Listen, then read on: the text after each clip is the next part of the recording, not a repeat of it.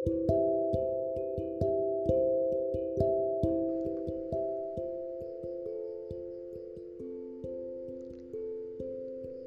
terlalu berlebihan, katanya.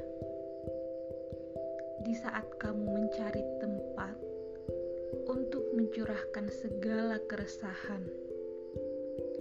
berharap dia akan mengerti posisimu yang semakin menghimpit.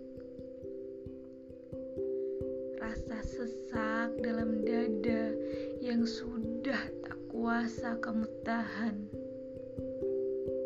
Lantas, kamu memilih jalan berbagi dengannya. Dia yang kamu anggap akan menjadi penolong. Dia yang kamu anggap akan memberikan sedikit cahaya di gelapnya ruangmu.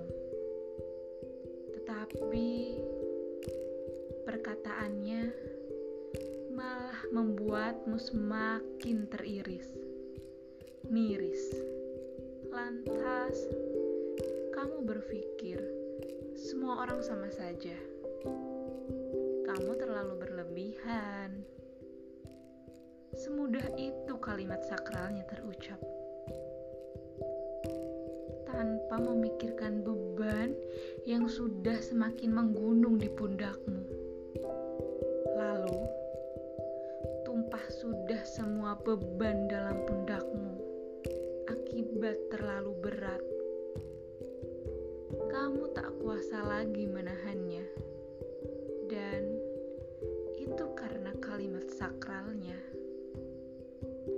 Banyak orang lemah semakin melemah, banyak orang yang ingin menyerah semakin terpuruk banyak orang terluka semakin menderita. Banyak orang ringkih yang semakin merintih. Dan itu semua karena kalimat bodoh yang dia kira tak berarti apa pun. Karena kalimat yang ia pikir sederhana, namun membunuh jiwa secara perlahan.